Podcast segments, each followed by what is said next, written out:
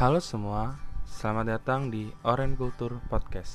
Di sini gue bakal ngebahas seputar Persija dan persepak bolaan Indonesia. So, stay tune terus ya di podcast gue. Oke, di episode kedua ini yang bakal gue bahas adalah bagaimana ketertutupan manajemen Persija terhadap supporter, yaitu Jackmania.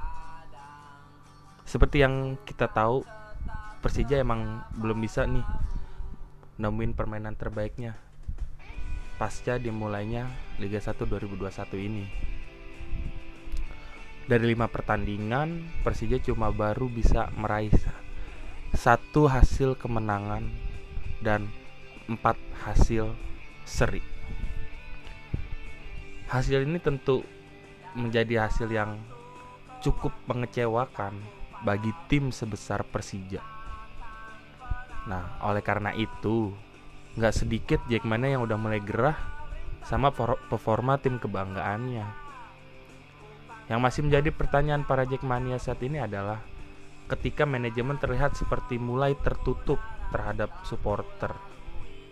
Mulai dari soal pemain dan hal-hal lain yang seharusnya tuh manajemen lebih terbuka terhadap supporter. Ketika beberapa pemain pilar Persija hengkang di awal musim 2021, manajemen seakan-akan terlihat nggak ambil pusing, bahkan terlihat sangat santai. Bahkan manajemen hanya merekrut satu pemain, yaitu Iman Patur Rohman, dan mempromosikan beberapa pemain akademi. Ya, tentu hal ini cukup mengejutkan sih bagi para Jackmania gitu. Nah, tapi di sini menurut gua uh, mungkin manajemen kita coba ambil sudut pandang dari manajemen seperti yang kita tahu Liga 1 2020, 2020 itu batal digelar karena Covid waktu itu. Dan Liga 1 2021 ini pula masih ada kemungkinan dibatalkan sebenarnya waktu awal musim. Oleh karena itu, mungkin manajemen Persija masih belum terlalu mau jor-joran dalam merekrut pemain. Karena dalam kondisi pandemi seperti ini, tentunya keuangan klub pasti tidak stabil karena pemasukan dari sponsor otomatis pasti berkurang. Lalu pemasukan dari tiket pertandingan yang awalnya menjadi istilahnya apa ya? Pemasukan pokok dari klub setiap match sekarang sudah tidak ada karena ya penonton belum boleh masuk stadion. Nah, mungkin manajemen Persija juga kayak memutar otak buat menstabilkan keuangan klub gitu. Makanya mereka lebih memilih tidak merekrut pemain ketimbang harus merekrut pemain karena keuangan tidak stabil sebenarnya di sini 50-50 sih. Yang gue lihat adalah emang skuad Persija saat ini bisa dibilang timpang lah antara pemain utama dan pemain pelapis. Karena yang seperti kita tahu pemain pelapis Persija banyak banget didominasi sama pemain-pemain muda gitu kan. Yang menurut gue ya untuk tim sekelas Persija pelapis diisi oleh pemain-pemain muda itu sangat tidak worth it gitu even pemain muda itu ya berbakat tapi tetap aja untuk menjaga kestabilan tim itu. Tim sekelas Persija mengandalkan pemain muda itu kayak kurang aja gitu.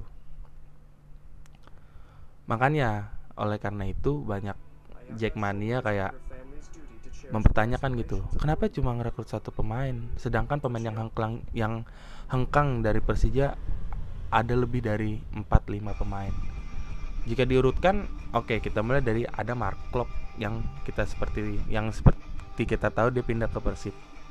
Lalu ada Sahar Ginanjar pindah ke Dewa United. Dan ada Sandi Sute, Heri Susanto dan ada Reski Fandi yang dipinjamkan ke Dewa United juga, Hamrah Hanusa dan Rafli Rafli Mursalim. Ya menurut gua ketika sebuah tim menjual pemainnya dalam masa pandemi seperti ini it's okay menurut gua.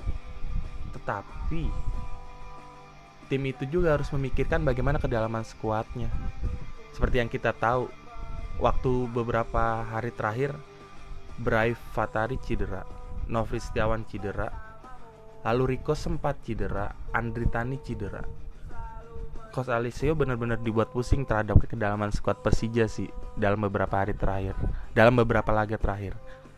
Ya karena di bench di bench Persija Coach Alessio dihadapkan oleh pemain-pemain muda yang belum punya pengalaman merumput di kasta tertinggi Liga Indonesia gitu. Makanya Coach Angelo juga berpikiran bahwa wah mau nggak mau dia harus ambil resiko dengan menurunkan para pemain muda oleh karena itu sangat dimohon sangat istilahnya gimana ya manajemen itu kita tuh nggak pengen gitu. Manajemen tertutup terhadap supporter tertutup terhadap ya kita kita ini pendukung Persija. Karena apa? Ya karena Persija sama Jackmania itu istilahnya udah ada ikatan batin tersendiri dan ya menurut gue sih sekarang emang sih manajemen tuh agak tertutup. Bahkan ya kemarin yang kita tahu sama-sama kan bahkan tim Persija sempat diboykot oleh PSSI Pers yaitu uh, apa sih namanya tim media dari dari PSSI gitu. Karena sangat tertutupnya manajemen terhadap media mengenai pemain, mengenai transfer dan segala macam. Sebenarnya dari berita itu juga manajemen harus mulai sedikit belajar sih ter terhadap keterbukaan. Jangan tertutup seperti ini gitu.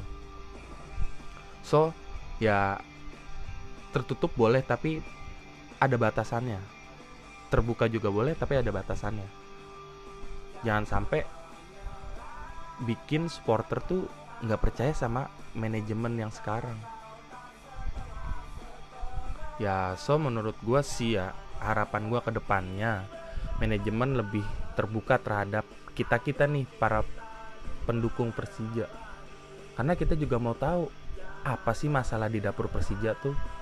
Supaya apa? Supaya kita bisa selesaikan sama-sama gitu. Manajemen nggak bisa istilahnya apa ya menyelesaikan masalah itu sendiri. Kalau emang nggak bisa mereka masih punya supporter gitu buat membantu mereka. Kayak gitu. So sekian podcast dari gua. Gua harap lu seneng denger episode kali ini. So terima kasih buat tuh semua yang udah dengerin podcast gua. Dan stay tune terus buat dengerin episode-episode selanjutnya See you guys.